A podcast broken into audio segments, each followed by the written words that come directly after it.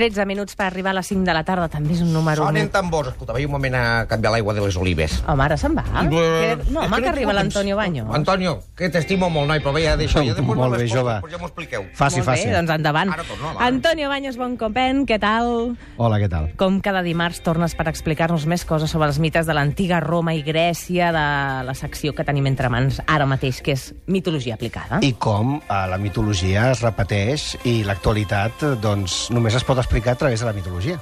Avui ho tenim fàcil, perquè, home, o no, o no, O no. o no.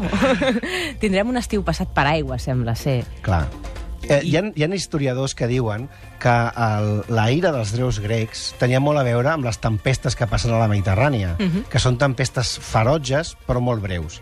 I això els hi va donar eh, la idea de crear uns déus que s'emprenyaven ràpidament però que es desemprenyaven també molt ràpidament. Clar, però a més a més, si això ho portem al diluvi... Diluvi. Diluvi. Tor- Torna-hi, torna Diluvi.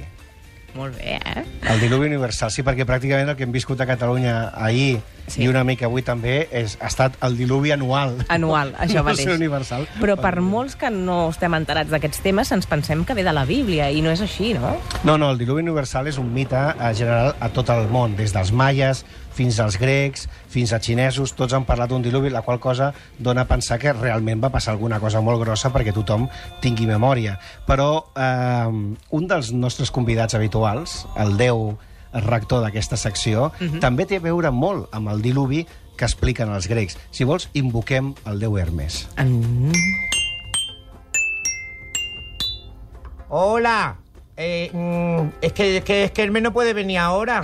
Es que está es, es que está en el lavabo un momentico, que soy su madre, soy Maya. Ja, Eh, però eh, és que tenim la secció en aquest moment. Mm, Espera un momento que ahora le digo, es que está, es que lleva unos días así como un poco restreñido y ahora pues mira, le, le hemos puesto unos aceititos muy buenos que tenemos aquí en el Olimpo y ahora que, que ahora viene en un momentito, esperaros que lo llamo. Puede ba- ¡Ernest! ¡Quiere hacer favor de venir ya! Però puede bajar a jugar con nosotros. Hola, ¿qué tal? ¿Cómo estiu? Ja he arribat. Hombre. Fa uns dies molt raros. ¿Qué tal? ¿Cómo estáis? Ai, Que- quina il·lusió que estem nosaltres altra vegada, no? Qué guapos que estáis los dos, eh? Guapos i mullats, perquè Sí. hem de dir que Hermes té culpa del diluvi universal segon els grecs, perquè resulta que hi havia un, un eh, tità que es deia Prometeu, que va robar el foc dels déus i li va donar el foc al, als homes. A los hombres, así como por las buenas lo hizo, ¿eh? También se tiene que decir. Lo coge, lo roba y lo entrega así como cualquier cosa. Bueno, però els homes també necessitaven foc per, per anar als, als bars i demanar oye, ¿tienes fuego? Per poder lligar... Antonio, doncs que ho demanin, que facin una instància com s'ha fet tota la vida. No ir així con malas artes. El cas és que el foc robat per Prometeu va emprenyar molt a Zeus, que era l'amo del- de l'Olimpo, i llavors va enviar a Hermes a amenaçar a Prometeu per dir-li, escolta, o tornes el foc als déus, o si no, et fot un diluvi! Exacto. tu. Fue más o menos así. Yo le dije, mira, Prometeo, te lo voy a decir bien claro. O devuelves el fuego o el reto. El fem un reto, un duelo, ens, du ens fem un duelo. Tú eliges Florín o Florete. Me dijo que no, porque es molt farruco, és molt, és molt farruco. El cas és que el pobre Prometeu va acabar lligat a una roca on una àguila li menjava el fetge cada dia i per la nit tornava a créixer el fetge i pel dia li tornaven a menjar. Però Zeus va fer el primer diluvi universal. Això sí, no eren 40 dies i 40 nits com a la Bíblia, eren només 9 dies i 9 nits, perquè els grecs, ja saps que mm, treballar gaire tampoc. No Tampoc que. Ah, que també I també els grecs van tindre el seu Noé. De fet, eren dos Noés. Eren Noé i Noea. Perquè, clar, perquè és el que et deia, que nosaltres som molt més divertits. Nosaltres perquè no s'avorreixin. Perquè Ah, no s'avorreixin li van ficar dos. Efectivament, es van salvar només dues persones, que són els fills de Prometeu, de Caulió i Pirra. Me pirra, la pirra. La pirra me pirra. Vinga. Això també ho dic sempre jo. Ui. La història dels grecs és pràcticament igual que la de la Bíblia. Van fer un vaixell, van aguantar nou dies, van acabar en una muntanya, després van treure un ocell i tot això. Simplement que la diferència és que eren aquestes eh, dues persones i no feia falta que estiguessin tots els bitxos. Però eh, eh, això és on va participar el nostre convidat, Sí. Hermes. Hola. Però la versió que tothom coneix és la versió de Noé i de la Bíblia. Un gran diluvio. Construiremos un arca para los inocentes. ¡Madre! ¿Qué pasa? Sempre he pensat si al temps bíblic hi havia música de fons. Perquè a, tota, a totes les pel·lícules bíbliques, a xon, xon, dius, hola, Abraham, xon, xon, xon, xon. Clar, no, no, només el teníem els grecs. Ah, això sempre tenia un Sí, tio amb siempre una lira. De... una lira, siempre había la lira, mi invento preferido, siempre hi era, però la Biblia no. no no eren tenía. més avorrits, no? No, Va per és aquí. el pel·lícula Bé, era hem escoltat el tràiler de Noé de, de Darren Aronofsky, eh, on Noé era Russell Crowe, que, per cert, moltes noies suposo que mm, no els importaria tancar-se en una arca, encara que sigui Russell plena Crowe. de bitxos i d'aranyes, sempre i quan estigués el Russell Crowe. Toma, hasta yo me gustaría ser mofeta para entrar en tu arca, Russell Crown.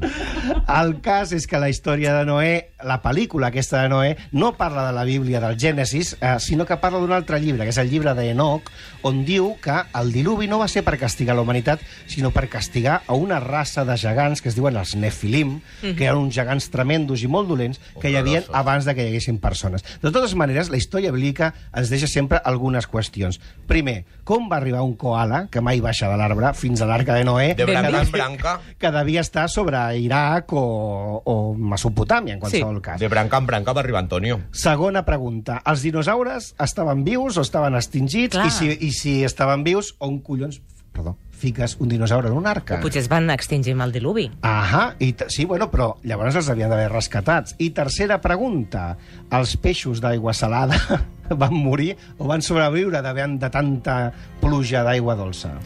Pues vols que et digui la veritat? No te la penso dir. Ai, ai, ai, ai, ai. De fet, la història de la Bíblia, tothom, els experts diuen que venen d'una història antiga, més antiga encara, que és el diluvi de Mesopotàmia. I explicaré. A Sumèria, el Noé de Sumèria es deia Utnapishtim, és a dir, el que funda la vida. De fet, vivia a Xurupak, que era la ciutat on vivien déus i homes junts, és a dir, paret per paret. Sí. Tu tenies un veí, hola, sóc déu, hola, sóc home, què tal, em deixa sal, em deixa no sé què. Sí. Com el món de l'Olim, una mica. Eh, sí, una mica com el món de l'Olimp, però més de, de planta, diguem horizontal, diguéssim, Va, sense- de comunitat de veïns. Llavors, eh, el problema és que els déus estan cansats de treballar i van fer que els homes comencessin a treballar. Però, clar, tant treballar, tant treballar, tant treballar, els homes, i això ve la causa del, del diluvi universal segons els sumeris, els homes de tant treballar i de tant reproduir-se van començar a fer massa soroll.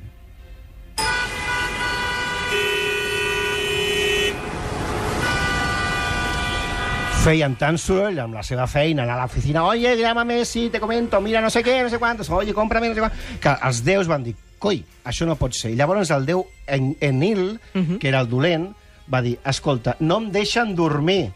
I precisament aquest va ser la causa del diluvi mesopotàmic. Per calmar una mica el panorama. Perquè els, els homes no deixaven dormir els déus. És a dir, una mica com la Diagonal ara, que està en obres, que no et deixen dormir ni cap manera, que és motiu també de fer un diluvi universal.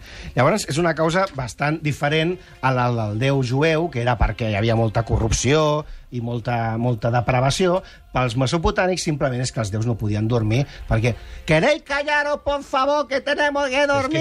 que, és, que eren, molt- és que eren molt primirats, també. Els mesopotàmics eren molt, molt, molt, molt primirats. Imagineu uh, un déu mesopotàmic a Lloret, a Salou o al barri de Gràcia durant les festes de Gràcia. Ui, imagina't. També faria el mateix. Oi que vosaltres també demanaríeu un diluvi universal? Escolta'm, però a tot això, el diluvi universal d'alguna manera està documentat si va passar realment? O no sé, ningú n'ha fet un estudi científic? No, ningú no, molta gent.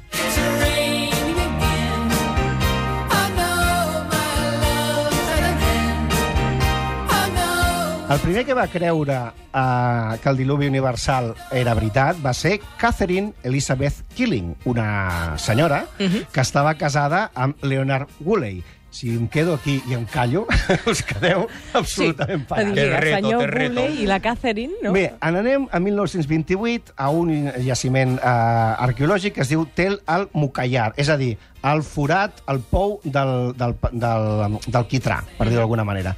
Allà comencen a excavar la ciutat d'Our i comencen a trobar doncs, ossos, eh, ceràmica, de tot, fins a un moment que troben... Eh, mm, On és això, Tel al a Iraq. A Iraq, I perfecte. troben eh, argila, uh Mhm. -huh. com d'una pluja, però com 10 o 20 centímetres d'argila. I diuen, això ha sigut un, una pluja, això què vol dir? Què, què ha passat? I la dona de l'arqueòleg, que era el Bulley, li va dir, ah, nen, tu ets tonto, sembles tonto, això és el diluvi universal. I aquí va aparèixer la primera prova evidencial de que hi havia hagut un diluvi, almenys a l'Orient Mitjà. Um, des del 1928 molta gent ha començat a pensar... Perdona, Antoni, però com a prova, el fang em sembla feble, no sé. No, no, no, no, perquè estaven excavant capes i capes de ceràmica, de no sé què, hi ha una capa de 20 centímetres de fang i després continua havent ceràmica i tot això. És a dir, Val, que durant perfecte. un temps allò va ploure molt i allò va, es va enfangar. També podia ser... És que és sé. veritat, però jo no sé per què esteu esperant que hi hagin proves, que no podeu creure les nostres paraules. No, no, no, no. és Per que, favor. Perdona, el que diu... Com Er- sou els humans, a que us envia un altre diluvi? El que diu l'Hermes... No, no, no, no. No, no, el que diu l'Hermes té raó, perquè eh, la, la, la llegenda grega diu que el diluvi va vindre del sud, del vent del sud. Claro. I hi ha eh, científics que estan dient ara que precisament va ser eh, un tsunami del sud del Mediterrani que va inundar una altra zona eh, que és la que expliquen aquell llibre de William Ryan i Walter Pittman, que ha fet molt soroll, bueno, va fer molt soroll la dècada passada, El diluvi universal.